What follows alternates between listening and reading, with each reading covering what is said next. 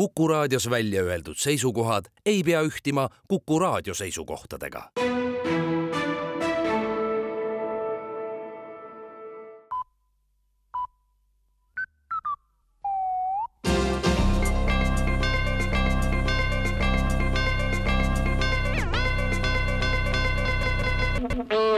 uudised on eetris ja stuudios Rohke Debelak valitsuses on ettevalmistamisel võlaõigusseaduse erinevate osade muutmise seadus, peamiselt puudutavad muudatused laialt levinud võlgu elamise reguleerimise kõrval nüüd ka esmakordselt võlgu suremise erinevaid tahke. paljud inimesed ei jõua kõiki oma kohustusi eluajal täita ja see toob kaasa järeltulijate võlgu sündimise. muudatuse kohaselt on võlgu võtnud inimesel nüüdsest keelatud ära surra või kui ta seda teeb, siis etapiviisiliselt iga kuu natukene ja sellele lisanduvad intressid et välistada olukord, kus inimene ei maksa elamise ajal oma võlgu ära, tuleb seadusmuudatuse kohaselt kehtestada olukord, kus võlgu võtnud inimene ei ela ega sure. ehkki inkassofirmad ja kohtutäiturid leiavad võlgniku kas või maa alt üles, on kergem elamise ja suremise vahepealses seisundis oleva inimesega maksetes siiski kokku leppida valitsus annab teada, et on meditsiinisüsteemi tuleviku alustalad lõplikult paika pannud ja see lahendab ka perearstide puuduse maapiirkondades. ees ootab üleminek perearstisüsteemile. kava kohaselt on iga pere kohustatud pereliikmete seast selle aasta jooksul välja valima pereliikme, kes õpib arstiks ja hakkab ravima oma pereliikmeid.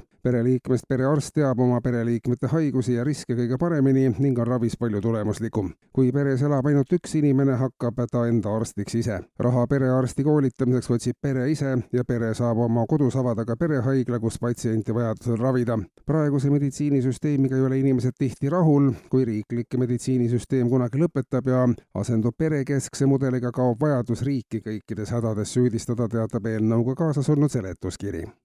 Kaasates sotsiaalteadlasi on aga valitsusel peatselt plaanis selgeks vaielda, kas tasuline kõrgharidus paneb noore pingutama või mitte kui selgub, et tasuline kõrgharidus tõepoolest on positiivse mõjuga, siis tuleb uurida ka teiste seni poolenisti tasuta olnud teenuste tasuliseks muutmise võimalusi.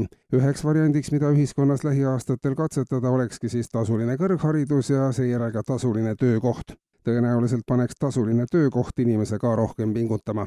tööandjad on seni olnud tasuliste töökohtade suhtes, kus inimesed ise töötamise eest maksavad, ka olnud positiivselt meelestatud. juba praegu on arvukalt töökohti, kus töötasu on nii väike, et selle ärajätmine ei muuda inimese elus enam midagi. sealt edasi töö tasuliseks muutmiseni jääb astuda veel vaid väike samm ja ilmajaama andmetel jäi nädala jooksul oma isiklikust varast ilma kaheksakümmend kolm inimest. naisest jäid ilma kuuesaja üheksakümne kolmel korral. heast koostöölepingust jäi ilma kaksteist tuhat nelisada ettevõtet ja seitsesada seitsekümmend üheksa jääb järgmise nädala jooksul ilma oma tegevuslitsentsist. Kuni kolmesajal korral jäädakse ilma heast töötajast ja kahekümne kahe tuhande kuuesaja kuuekümne kolmel korral loodetud kasumist. kolmekümne tuhande üheksasaja neljakümne kuuel ettevõttel juhtub seda ilmast ilma. kahjum on aga seevastu ilmatu populaarsusest jääb ilma kaks erakonda, ilmajaama andmetel sagenevad igasugused ilmajäämised kahe kuu jooksul mahuni, mida pole ilmajaamal enam võimalik kokku arvutada ja seetõttu tuleb inimestel tulevikus ilma läbi ajada.